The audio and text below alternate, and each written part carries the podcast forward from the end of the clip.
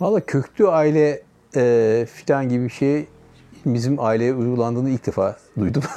Hiç öyle köklü filan diye insan kendi kökleri tabii çok fazla gerisini bilmiyoruz aslında. Yani işte 3 4 kuşak filan o kadar. E, e, ben aslında e, köklüden çok tam bir tipik işte Doğu Akdeniz, Osmanlı İmparatorluğu'nun sonunda e, oluşan kırılmaların filan sonucunda ortaya çıkan böyle karma karışık ailelerden biri bizimki. E, o bakımdan e, insanın kimliğini tanımlaması konusunda da bir rahatlık sağlıyor. Çünkü ile ben şuyum, buyum demek gerekmiyor.